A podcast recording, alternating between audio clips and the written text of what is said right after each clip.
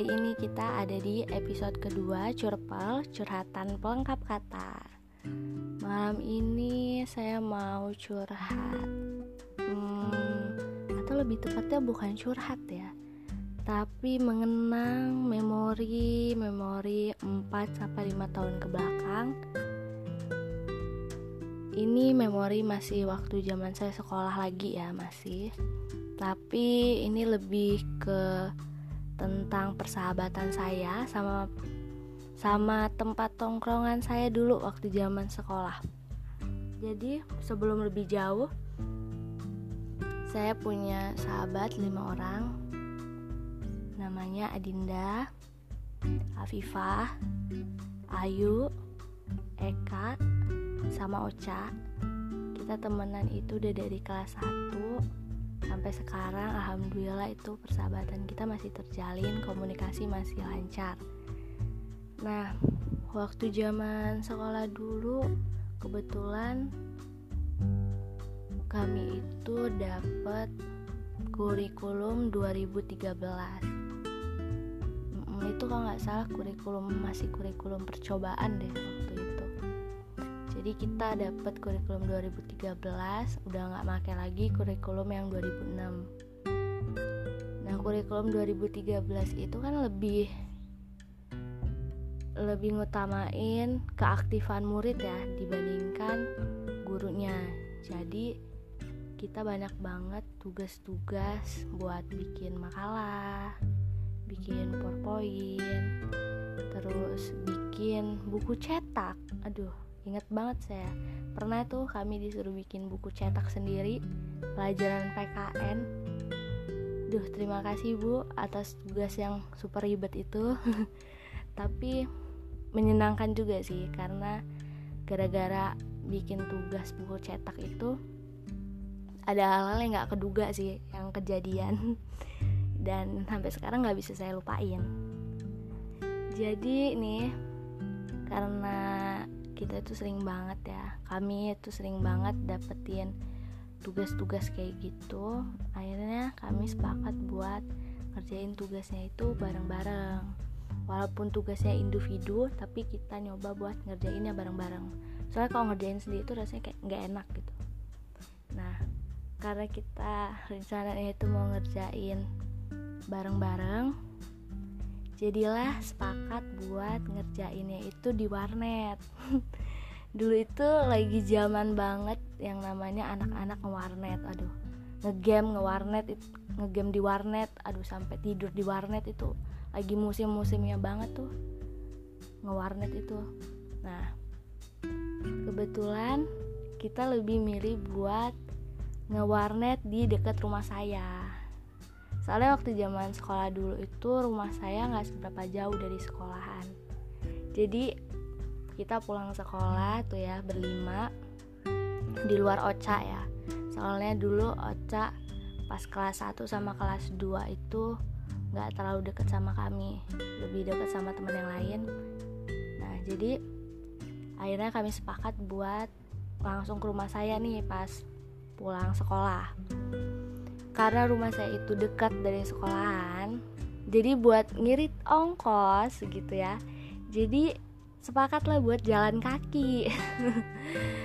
Kalau saya sendiri sih udah biasa ya dari rumah ke sekolah itu jalan kaki kalau pas pergi.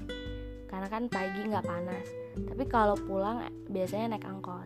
Nah tapi itu saya ngusulin buat udah deh nggak usah naik angkot uangnya lumayan nih buat buat bayar warnet entar gitu. Atau enggak buat jajan gitu. Kita jalan aja gitu. Ya udahlah mereka mau tuh jalan. Jalan tuh ya kita. Kan pulang sekolah itu sekitar jam setengah tiga jam dua gitu ya. Jadi masih panas tuh ya. Matahari masih muncul di langit ya. Masih panas. Jadi pulang tuh ramean kayak anak bolang. Panas-panasan jalan ke rumah saya jalan ke rumah saya. Terus pas nyampe di rumah saya itu mereka naro-naroin tas gitu. Udah selesai naroin tas kita ke warnet lah. Kebetulan juga rumah saya itu ada di dekat rumah saya itu ada warnet. Sebelumnya saya nggak pernah sih ke warnet itu. Tapi gara-gara dapat tugas ini dan mutusin buat ngerjainnya bareng-bareng akhirnya nyobalah ke warnet itu warnetnya itu uh, kami ya kami bikin nama warnetnya itu warnet eh sorry kita bikin namanya itu warnet dio nah, ini buat penggemar EXO nih pasti tahu dong member member EXO yang dio ya. Saya nggak saya nggak terlalu nggak terlalu tahu sih. Maksudnya nggak terlalu mengenal member EXO yang di O ini. Tapi kalau mukanya iya saya tahu. Tapi kalau maksudnya saya bukan penggemar EXO jadi nggak terlalu nggak terlalu ngerti ya tentang per member-memberan. Tapi teman saya si Adinda Ayu sama Aviva ini fans banget sama EXO ya.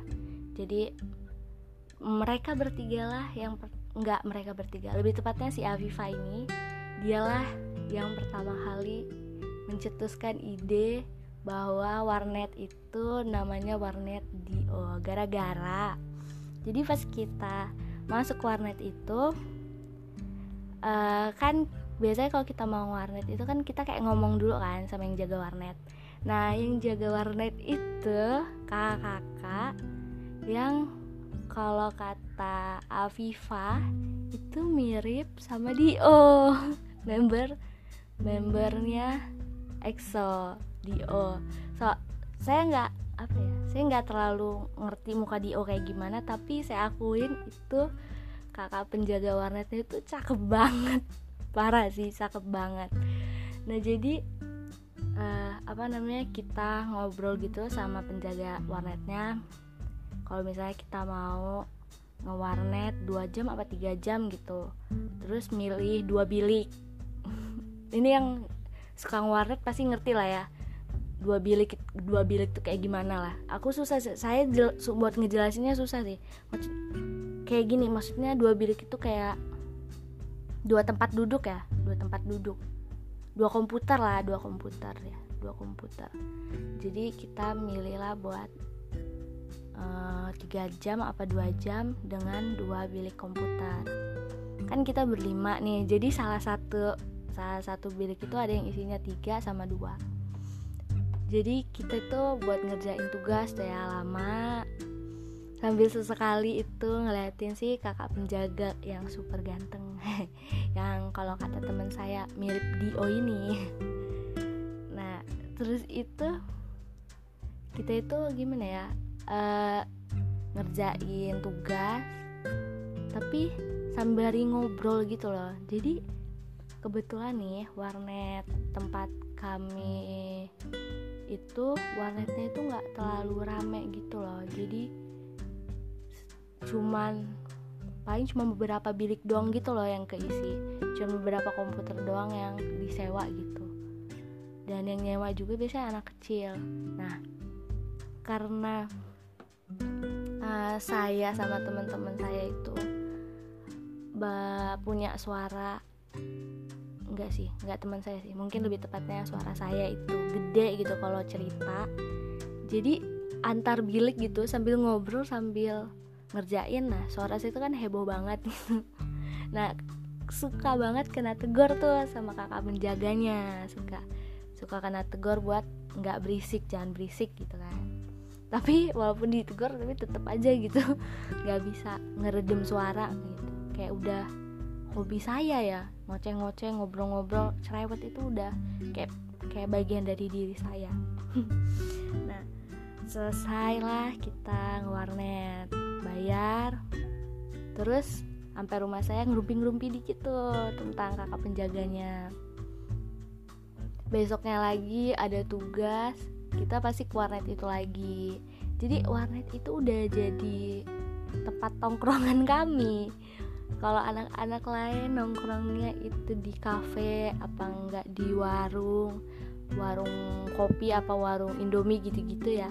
Kalau kami tempat tongkrongannya warnetnya warnet dio tapi kalau kalau dulu itu kita ngomongnya bukan dio tapi ode overdosis overdosis kegantengannya anjir jadi kita itu suka banget ke warnet itu. Jadi setiap kali ada tugas kita ke warnet itu.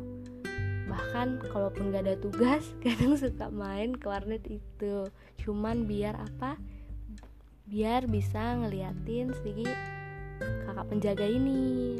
Nah jadi karena kita ini haus akan cogan ya akan cogan jadi itu seneng kan ngeliatin kakak penjaga itu kakak penjaga yang cakep itu. Nah salah satu sahabat saya ini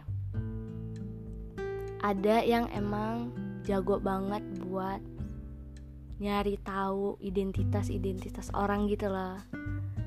Uh, jago buat ngestalking ngestalking gitu dia jago banget ya di antara empat sahabat saya ini ada salah satunya. Kalian tebak-tebak aja deh di antara Adinda, Ayu, Afifa, Eka.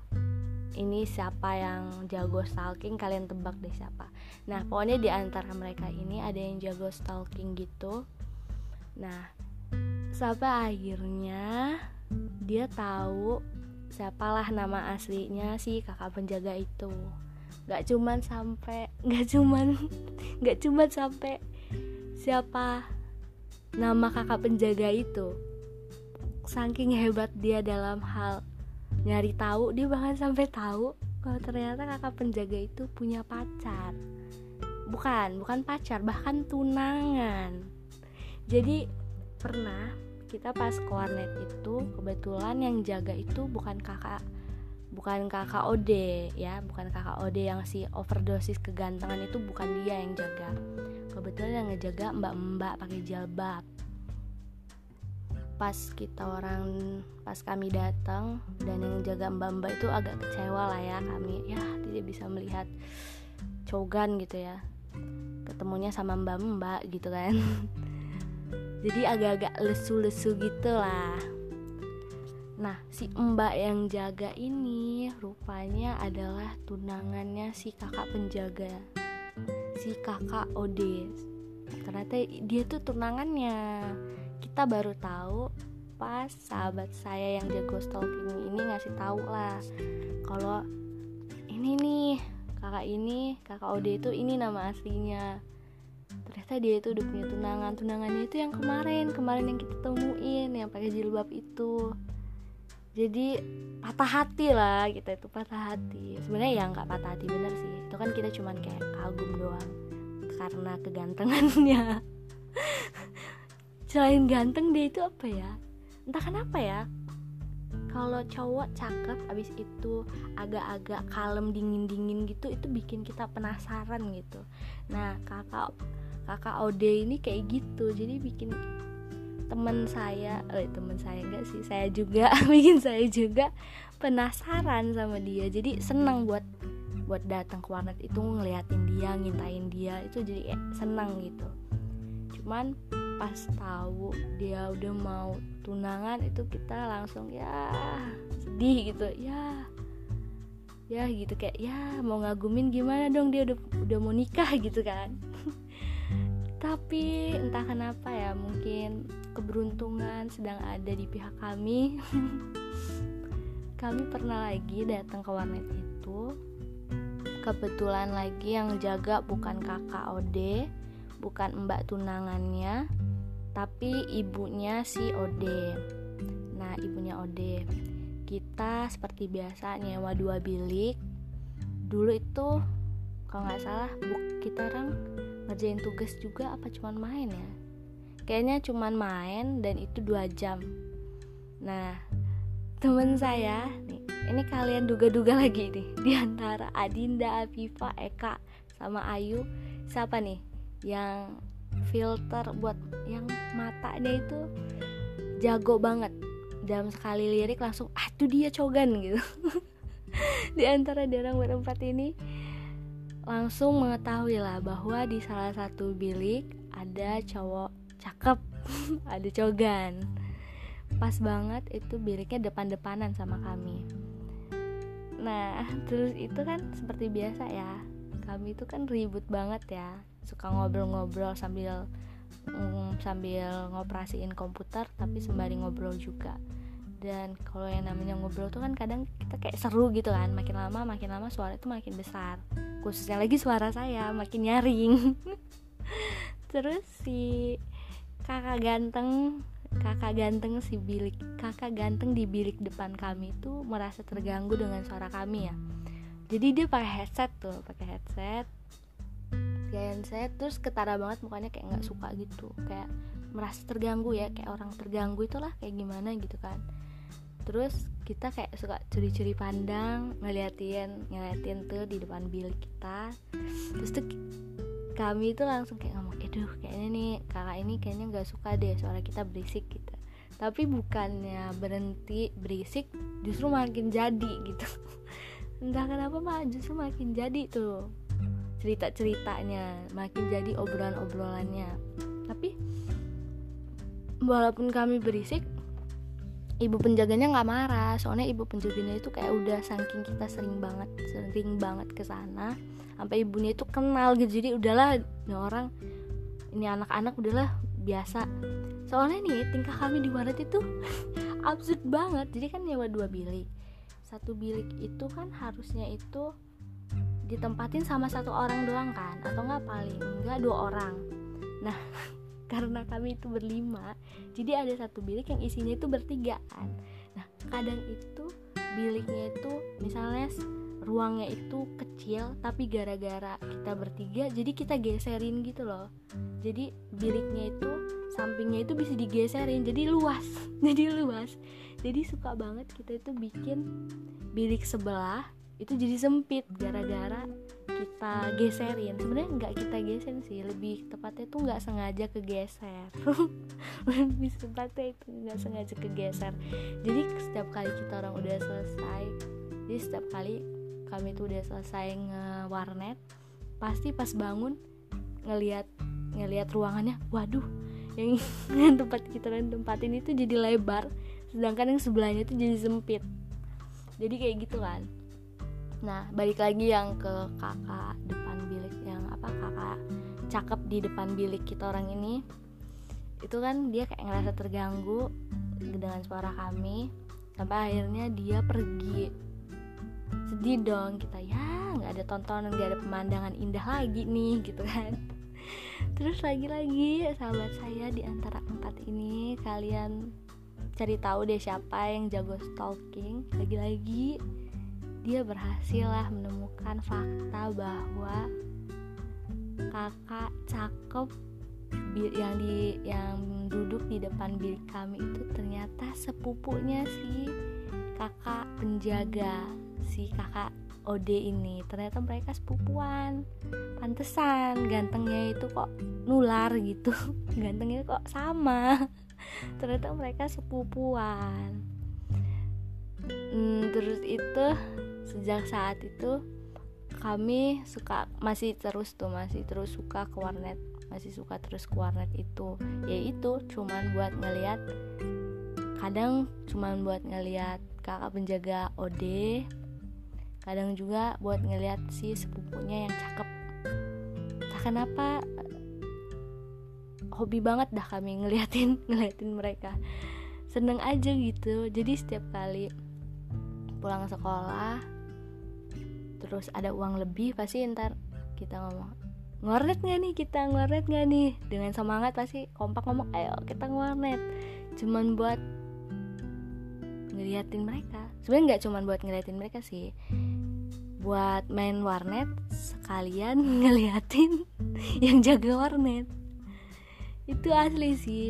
Kakak itu ganteng banget sih para overdosis banget gantengnya aduh ganteng banget ganteng banget sayang waktu tuh dia punya tunangan nggak tahu dia sekarang udah nikah jangan-jangan soalnya saya kan sekarang udah pindah ya rumahnya udah nggak di tempat yang lama jadi saya nggak tahu gimana kabar si kakak penjaga warnet ini sekarang? Apa mereka sudah menikah dan sudah memiliki anak? Mengingat itu sudah 4 5 tahun yang lalu. Apakah anaknya ganteng juga? Hmm, gak tahu nih, mungkin gak ada salahnya kali ya. Saya ngajak PPC buat reunian di warnet itu lagi. Hmm, gimana nih guys? Setuju nggak? kita reunian di warnet itu kalau misalnya pandemi ini udah selesai lanjut di grup ya ntar setuju apa enggaknya terus bicara masalah warnet ada juga kan saya tadi pernah ngomong kan kalau misalnya pernah dapat tugas bikin buku cetak. Buku cetaknya nggak di print sih cuman lebih tepatnya uh, hard copy-nya aja gitu hard copy-nya aja disuruh. Itu bikin buku cetak PKN wih pertama kali saya ngedenger disuruh bikin buku cetak itu uh kepala saya pusing banget kepala saya mikirnya waduh gimana nih cara bikinnya? Gitu. Tapi begitu dijalanin ya ternyata bisa. Nah pada saat ngebikin buku cetak ini uh, ada saat di mana kita bikinnya itu nggak di warnet di oh nggak di warnet si KKOD ya ya nggak di warnet situ tapi ada di warnet lain atas rekomendasi saya. Jadi ini warnet di lantai dua yang mana lantai satunya itu dipakai sebagai tempat makan kayak rumah makan padang gitu. Nggak rumah makan padang sih rumah makan Jawa apa ya. Soalnya dia lauknya banyak gitulah sayur-sayurannya banyak. Nah lantai atasnya itu warnet. Saya tahu ada warnet di situ karena dulu adik saya pernah bolos sekolah dan main di warnet situ. Pernah bolos sekolah main warnet di situ ke gap ke gap sama bapak saya. Jadi saya tahu akhirnya soal warnet itu. Soalnya warnet itu lumayan warnet tersembunyi. Karena kita nggak ngeduga gitu loh. Karena karena di situ kan tempat makan. Eh ternyata di lantai duanya ada warnet. Jadi waktu itu saya rekomendasiin ke sahabat saya ini buat yolah PPC kita bikinnya di warnet situ aja. Soalnya warnet Dio itu tutup kebetulan tutup. Padahal mah kalau nggak tutup seneng kita ke warnet itu ya kan? Men sambil menyelam minum air ya kan? Akhirnya kita ke warnet tersembunyi ini ya kan? Nah si Eka, Afifa sama Ayu ini kebetulan mereka udah selesai bikin buku cetaknya. Udah selesai tinggal saya sama Adinda yang belum selesai. Tapi karena mereka tuh setia setia kawan mereka tuh nemenin lah ke warnet itu. Nah kita jalan jalan tuh jalan kaki jalan kaki lagi jalan kaki dari sekolah ke warnet itu lumayan jauh lumayan jauh lumayan jauh ya dari sekolah ke warnet itu. Jalan kaki terus itu nyampe naik ke lantai atas tahu-tahu saya nggak ngeduga bahwa warnet rekomendasi saya itu adalah warnet super super berantakan. Super berantakan dalam arti bener-bener berantakan. Soalnya banyak yang ngerokok terus tuh banyak anak sekolahan yang ngebolos. Pokoknya macem-macem deh orangnya di situ. Harusnya saya bisa duga sih dari awal. Soalnya kan dulu ada saya bolos main di situ kan. Pasti berarti anak-anak yang main di situ pasti sejenis adik saya. Ngebolos juga gitu. Ngebolos juga atau enggak? Atau enggak anak-anak yang suka suka ngerokok ya nggak apa-apa sih. Saya nggak mau nyalahin deh anak-anak yang mau ngerokok terserah. Paru-paru mereka gitu kan. Uang-uang jajan mereka terserah deh. Saya nggak mau nggak mau komentar hidup-hidup mereka urus amat gitu kan. Cuman pada saat itu saya cukup risih. Saya sama Dinda itu cukup risih buat nyelesain tugas buku cetak itu di situasi kayak gitu. Jadi akhirnya Afifa Din Afifa Ayu sama Eka ini milih untuk menunggu di lantai bawah. Sementara saya sama Adinda yang nggak belum selesai ini nggak mau nggak mau kita nyelesain dong di warnet itu. Soalnya besoknya itu udah harus dikumpul udah nggak ada waktu lagi. Jadilah kita ngerjain ngerjain apa tuh tugas buat bikin cet bikin buku cetak itu di warnet itu dengan suasana di mana mereka yang main game itu nyebut nyebut kalimat kebun binatang. Terus itu kotak sampah. Pokoknya yang kotor-kotor deh nyambung lah pasti kalian. Terus itu dalam suasana berkabut karena banyak yang ngerokok. Dalam suasana lempar-lemparan. Ih asli itu nggak ngerti deh. Apa motivasi mereka main warnet sambil lempar-lempar bekas botol minum? Nggak ngerti deh ngapain? Jadi kita menyelesaikan menyelesaikan warn menyelesaikan warnet menyelesaikan tugas itu di warnet yang super absurd. Tapi jujur itu lucu sih soalnya untuk pertama kalinya. Saya ngebawa sahabat saya ke situasi yang kayak gitu. Sampai-sampai mereka bilang enggak enggak dua kali lagi ke warnet ini. Tapi nggak tahu deh ya. Kalau menurut saya itu lucu sih seru aja. Kok bisa bisanya gitu kami terjebak di warnet kayak gitu. Padahal sebelumnya kami biasanya terjebak di warnet di mana ada kakak yang ganteng.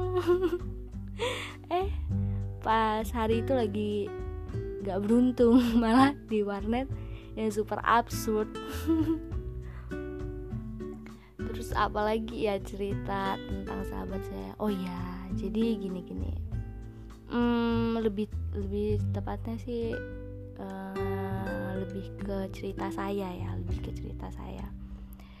Jadi ini beda lagi ya bukan tentang tempat tongkrongan tapi ini cerita tentang cinta-cintaan cinta-cintaan. Entah kenapa kita itu pasti pernah kan suka sama kakak kelas dan itu pernah saya alamin. Saya pernah ngalamin. Itu sebenarnya nggak suka sih lebih ke kagum aja. Jadi kita dapat tugas seni budaya buat nyanyi. Nah nyanyinya tuh nggak cuma sekedar nyanyi tapi sambil main alat musik. Nah itu kita disuruh nyanyi lagu daerah sama nyanyi lagu bebas terserah lagu apa. Nah untuk lagu daerahnya itu uh, teman saya yang bisa main gitar itu si Ocha dia itu nggak terlalu pinter apa sih kalau kalau kalau gitar itu apa ya namanya? Kunci ya kunci kunci kuncinya itu dia nggak terlalu ngerti loh untuk lagu daerah itu. Nah jadi kita tuh nanya tuh sama sama guru yang ngajar. Sampai akhirnya guru yang ngajar itu nanya kan lagu daerah apa yang kita pilih? Nah kita milih itu lagu lagu Sang Bumi Wajurai Sang Bumi Wajurai nah bapak itu akhirnya nyuruh nyuruh nanya sama kakak kelas sama kakak kelas kita orang. Soalnya kakak kelas kita orang itu nyanyiin lagu yang sama. Jadi suruh tanya lah kuncinya. Nah ini nih bagian lucunya. Jadi kakak kelas ini sebenarnya awalnya itu kita itu nggak tahu loh yang mana orangnya cuma dikasih tau namanya doang. Terus akhirnya teman saya nyari tahu akhirnya tahu lah ternyata ini orangnya. Nah pas pas kami nyari nyari tahu itu ini apa namanya ternyata e, mereka itu kayak ngegerombol gitu loh berlima apa berempat orang ya saya lupa. Selalu ke mana-mana selalu berempat. Pokoknya selalu mereka mereka itulah. Nah kita nemuin lah nemuin mereka itu pas lagi jam istirahat di eh jam istirahat apa pulang sekolah ya? Saya lupa. Nemuinnya itu mereka lagi santai-santai di depan musola depan musola nah pas kita pas kami ngeliatin si kakak kelas kita orang ini nggak ada yang berani loh buat nanyain. Soalnya mukanya itu muka muka muka si Pe gitu loh muka muka si Pe nggak ramah gitu. Jadi takut kan buat nanya. Terus akhirnya uh, setelah berdebat berdebat-debat panjang akhirnya yaudah deh setuju buat ngomongnya bareng-bareng buat ngedatenginnya bareng-bareng. Akhirnya kita itu datangnya bareng-bareng nemuin kakak kelas kita orang itu. Terus kita ngomong dong kalau misalnya kak kita minta tolong ajarin kunci lagu. Dan itu sumpah ya kakak kelas itu ngajak ribut banget. Di, apa ya dia jawabnya itu kayak sinis gitu loh kayak oh iya oh ya udah ya udah apa namanya yang mulai apa siapa yang main gitarnya pokoknya kayak langsung to the point to the point gitu deh. Kayak kenapa sih nggak ngeliat di Google aja kenapa nggak lihat di YouTube? Pokoknya kayak kayak gitu loh kayak nggak niat buat ngajarin gitu. Kayak nggak niat tapi salah satunya ada yang baik mau ngasih tahu gitu. Akhirnya yaudahlah kan karena kami minta tolong ya namanya juga sama apalagi minta tolongnya sama kakak kelas kan. Yaudah deh mau nggak mau mau nggak mau ini dong kita pasrah-pasrah aja diomongin apa ya iya aja gitu kan. Nah pas udah selesai kan salah satu sahabat saya ini ada yang bawa air minum botol. Nggak botol apa aqua gelas ya? Kayaknya sih aqua gelas bukan merek aqua ya lagi-lagi merek Tripanca. Merek Tripanca. Nah dia tuh minum itu airnya itu masih sisa gitu loh masih sisa setengah. Nah dia naroknya itu kan narok di dinding dinding musola kan. Nah pas udah selesai diajarin itu tem tempat minum aquanya ini kelupaan dibawa. Nah sedang sementara kami tuh udah udah jalan tuh ya udah jalan lumayan agak ngejauh dari musola itu eh dipanggil lagi sama kakak kelas itu. Dipanggil dibilangin eh itu apa namanya gelas aqua itu dibuang ya kotak sampah jangan kayak gitu. Ya Allah bener sih bener sih tegurannya. Tapi rasanya pas saat itu tuh dongkol banget kesel banget kesel banget. Tapi ya udahlah kita nyoba lupain gitu kan soal masalah itu. Eh terus tiba-tiba tuh ada nggak tiba-tiba sih terus uh, pas seminggu kemudian kita dapat lagi kan pelajaran seni budaya.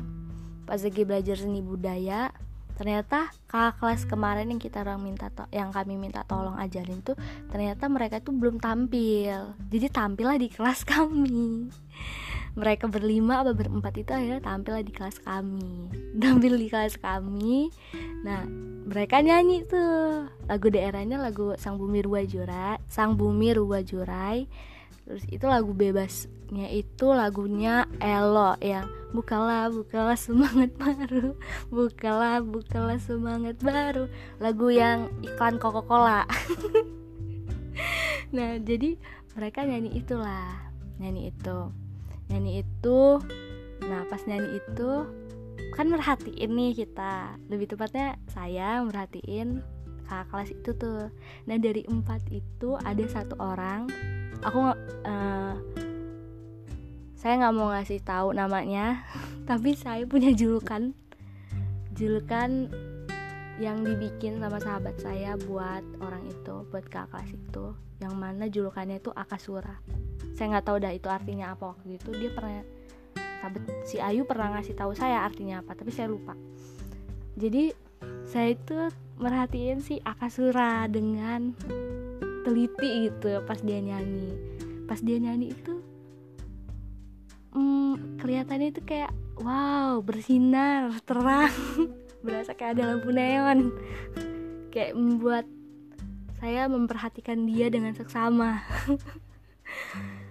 Tiba-tiba pas saat dia nyanyi itu kan uh, saya tadi ngomong kan kalau misalnya mereka tuh sipe nah yang paling sipe dan paling tidak ramah itu adalah si Akasura itu.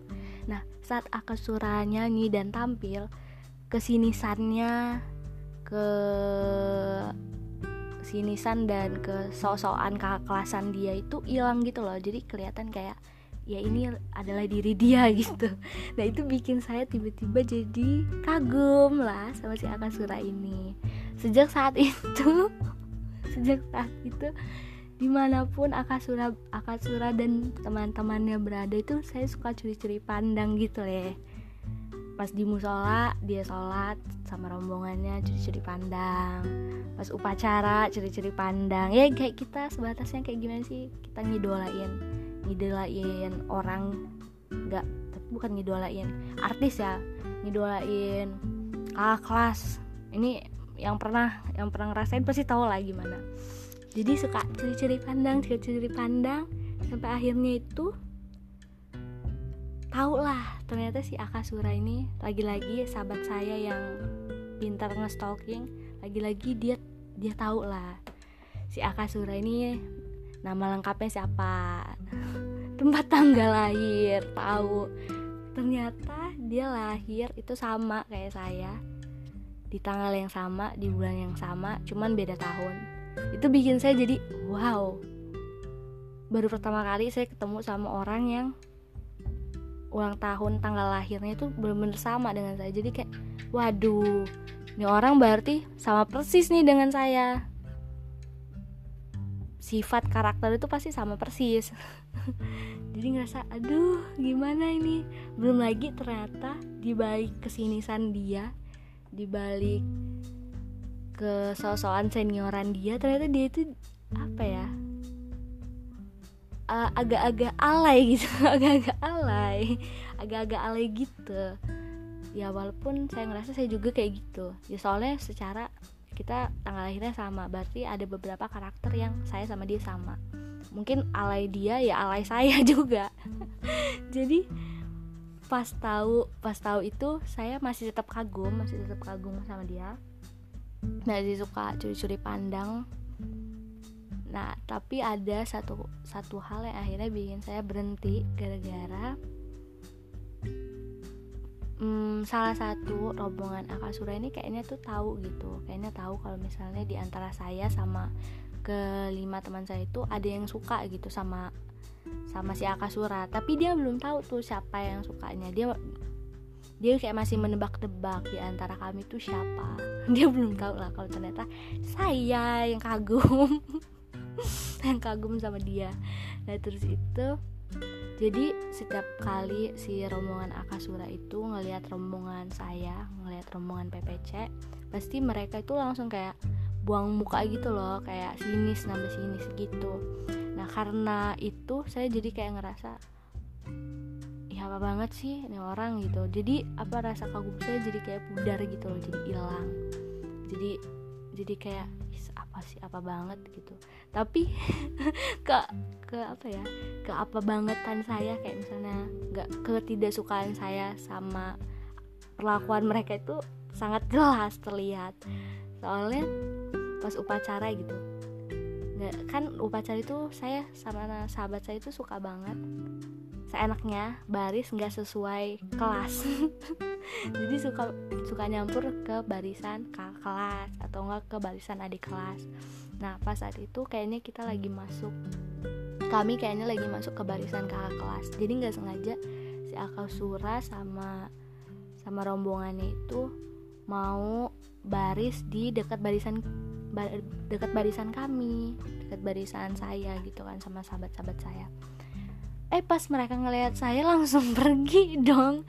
Pas ngelihat rombongan kami itu dia langsung pergi dong nyari barisan lain. Berasa kayak aduh hina sekali saya dan rombongan ini ya kan?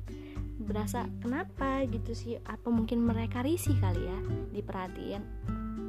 Tapi sebenarnya saya nggak ada niat apa-apa loh. Jadi Akasura dan rombongan kalau seandainya kalian mendengar podcast ini dan tiba-tiba kalian ngerasa ceritanya sama persis ketahuilah bahwa saya nggak ada maksud apa-apa cuman kagum doang kagum sebatas adik kelas ke kakak kelas gak ada niat lebih jadi jangan takut bukan orang jahat bukan ya Allah. Jadi nggak usah segitunya lah sama saya dan teman-teman saya. Soalnya kalian itu menghindarnya gitu banget gitu kayak kami ini penjahat aduh tapi terima kasih ya Akasura kamu udah bikin warna percintaan ayo nggak percintaan perkaguman. Perkaguman saya zaman sekolah jadi banyak. Sebenarnya Akasura bukan kakak kelas pertama yang saya sukain. Ada lagi kakak kelas yang saya sukain. Ini lucu banget sih lucu banget. Lucu banget itu karena nggak tahu ya saya ini kayaknya karena kebanyakan baca novel remaja suka nonton film remaja FTV remaja jadi pemikiran saya itu terlalu terlalu sinetron terlalu hayalan banget gitu. Jadi saya suka sama kakak kelas kakak kelas. Nah dia udah kelas 3 waktu itu. Jadi kayak udah mau lulus gitu kan karena dia udah mau lulus saya ini ngide lah ngide buat rencana buat ngasih kenang-kenangan hadiah. Ngasih hadiah. Jadi saya dengan niatnya ya di rumah uh, saya punya uh, ini sebenarnya teman saya nggak tahu ya kayaknya dia mereka tahunya itu gantungan kunci udah jadi aja. Padahal itu gantungan kunci itu si gantungan permennya itu saya dapat dari saya punya kunci rambut. Kunci rambut itu kunci rambut favorit saya. Bentuknya itu permen lucu banget. Tapi udah putus gitu loh talinya itu. Jadi si permennya itu masih ada masih bagus. Jadi sama saya saya gunting. Saya gunting saya gunting. Abis itu saya bolongin saya bolongin tuh tengah-tengahnya buat bisa dimasukin sama gantungan kunci. Jadi kan dulu tuh sering kan kita dapat souvenir souvenir gantungan kunci gitu kan. Di rumah saya banyak banget. Jadi sama saya gantungan souvenir itu saya gantungannya saya lepas tapi si besi-besinya itu saya masukin tuh ke dalam ke dalam yang si permen itu. Jadi sama saya saya rangkai lah. Saya bikin sendiri. Jadi saya bikin gantungan permen dari bekas ikat rambut. Sangat tidak modal tapi nggak apa-apa itu usaha loh. Saya ngusaha itu. Udah itu saya masukin ke dalam pakai ini apa namanya pakai bekas apa sih kayak bekas bekas naruh jepitan juga sih. Plastik yang bekas naruh jepitan gitu. Nah saya taruhin di situ lah dipakein kertas. Jadi kayak apa penyanggahnya. Wih udah kayak sok keren banget dah itu. Gantungan kuncinya terus udah kayak gitu gantungan kuncinya saya masukin dalam paper bag paper bag ini paper bag sapi. Paper bag sapi yang mana itu bekas. Ini nggak modal banget. Paper bag itu bekas makanan ciki-ciki dapat hadiah ulang tahun. Ulang tahun anak tetangga. Jadi ada anak tetangga ulang tahun nah dia ngasih ciki-ciki pakai paper bag. Paper bagnya itu sapi-sapi itu. Nah paper bag itu yang saya pakai buat buat masukin gantungan kuncinya. Jadi gantungan kunci yang dapat hasil dari ikat rambut bekas dipadukan dengan dengan besi bekas dipadukan dengan paper bag bekas. Ya Allah nggak modal tapi niat tapi niat loh itu niat banget saya. Saya niat bikin itu saya masukin. Saya mikirnya waduh ini kurang nih kalau cuma itu doang isinya. Harus ada surat dong ya kan? Bikinlah surat. Saya diskusiin dengan teman saya Eka eh kira-kira kak kata saya kan.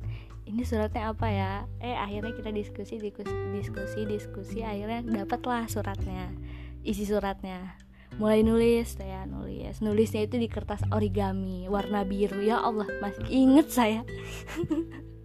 Nulis ya dir bla bla bla bla. Itu si kakak kelas itu saya punya nama panggilan. Panggilannya linglung. Jadi saya nulis ya Dear Linglung ya. Terus tulis lah lalala isinya isi panjang isi ini. Tapi nggak saya tulis na nama nama saya. Saya cuman nulis hmm, adik kelas yang mengagumimu kayak gitu. Ya Allah berasa udah kayak nonton FTV banget dah. Pikiran saya kayaknya udah kacau itu. Udah ya imajinasinya udah liar. Jadi udah selesai bikin surat terus itu apa gantungan kunci udah jadi. Udah jadi lah ya hadiahnya. Waktunya tinggal ngasihin ya kan? Ngasihin ke linglung tapi saya itu nggak berani dong kalau ngasihin langsung. Gengsi gengsi. Jadi sosokan ngide itu tuh pas lagi hari Jumat. Jadi yang cowok itu kan sholat Jumat. Nah cowok-cowok sholat Jumat parkiran motor itu kan sepi tuh jadinya. Parkiran motor sepi. Saya ngide saya sama Eka sama Ayu jalan ke parkiran motor. Nah dengan perbekalan daya ingat yang sangat rendah jadi saya itu ingat linglung itu saya sama Eka itu ingat kalau linglung itu pakai motor ini gitu. Tapi kita nggak tahu BE nya apa jadi ngide aja gitu. Ngide oke okay, dia misalnya pakai motor beat gitu ya. Oke motor beat warna hijau oh berarti yang itu gitu. Padahal kan sebenarnya banyak ya motor beat warna hijau nggak cuma satu ya kan? Tapi ngide aja gitu sotoy aja kita. Sotoy ke parkiran parkiran terus kayaknya ini nih motor linglung ya dengan kesotoyannya kita taruh tuh paper bagnya di motor itu. Nah pas kita naruh kita pas kita naruh kita saling lihat-lihatan terus saya baru sadar kalau jar jarak motor tempat kita naruh paper bag itu ada lagi motor dari sebelah kanan ada orang yang lagi duduk dan ngeliatin kami. Kami langsung kabur habis itu. Nah kabur nggak lama itu eh, anak-anak cowok yang pulang dari sholat jumat itu balikan balik ke sekolah lagi ngambil motor pulang ya kan? Ngambil motor pulang nah pas dia ngambil motor pulang. Nah salahnya saya itu saya nggak masihin lagi. Bener nggak sih itu motor? Motornya linglung apa enggak kayak udah sotoy aja udah pasti itu motor linglung gitu. Sampai akhirnya ternyata itu nggak bukan motor linglung. Jadi pas kita udah pulang kan kita pulangnya kan, kan saya itu pulangnya naik angkot ya bareng sama Eka Ayu. Nah saya Eka Ayu tuh naik angkot turun ke bawah ya nyari angkot. Eh pas lagi turun ke bawah itu kita kita bertiga itu kami bertiga itu ngeliat kalau misalnya Linglung baru pulang baru pulang. Sementara pas kami mau pulang dari sekolah itu kami sempat lagi ke parkiran dan ngeliat motor yang ada paper bag itu udah nggak ada. Jadi otomatis mikirnya itu Linglung itu udah pulang. Eh pas kami pulang papas-papasan sama Linglung. Mikir dong waduh berarti itu paper bag di motor siapa? Di motor siapa? Gitu kan. Balik lagi lah ke sekolahan. Bertiga tuh balik lagi ke sekolahan. Ngeliatin lagi waduh bener motor yang paper bag itu hilang. Nggak tahu itu punya siapa sampai akhirnya seminggu kemudian tuh mikir ya kan. Saya mikir saya sama Eka mikir duh kak itu masuknya masuk ke ke mana ya paper bagnya itu? Tapi di paper di apa di surat itu saya ngasih nama lengkap si linglung itu. Jadi kalau misalnya si yang punya motor itu berinisiatif gitu harusnya sih dia nyari tahu ya si linglung itu kelas mana gitu. Tapi yang nggak tahu deh kalau ternyata dia suka sama gantungan kunci saya. Sama dia yaudah deh lumayan buat saya aja gitu. Nah pas seminggu eh nggak nggak seminggu sebulan kemudian lagi si Eka ini ngomong kalau ternyata kayaknya nih motor yang kita kasih paper bag itu motornya teman seangkatan kami si sebut aja D ya misalnya si D. Jadi ngedatengin lah kita. Jadi pas pulang sekolah saya sama teman-teman saya itu sama sahabat saya itu ngedatengin si D di parkiran. D ini lagi ngobrol sama teman-temannya. Kita nanya tuh eh kemarin berapa minggu kemarin ngelihat nggak sih ada paper bag? Ada paper bag yang di, di apa di motor? Nah yang si D ini kayaknya nggak ngeh gitu loh kayak nggak ngeh apa yang kita tanya. Karena kita nanya itu sambil ketawa dan cepet-cepet karena malu kan. Nggak ngeh karena dia nggak nggak ngeh ya udahlah akhirnya kami pergi aja lah malu ya kan terketahuan. Ntar ketahuan gitu kan. Jadi kita pergi aja deh kita pergi sambil saya ngomong ya udah deh ikhlasin aja terserah deh itu kadonya nyampe ke linglung apa enggak. Dan sampai sekarang saya nggak tahu sih itu kado nyampe apa enggak ke linglung atau sama yang punya motor sama dia disimpan. Katanya wah ini bagus nih. Akhirnya sama dia disimpan. Itu absurd banget sih itu. Untuk pertama kalinya saya melakukan hal kayak gitu.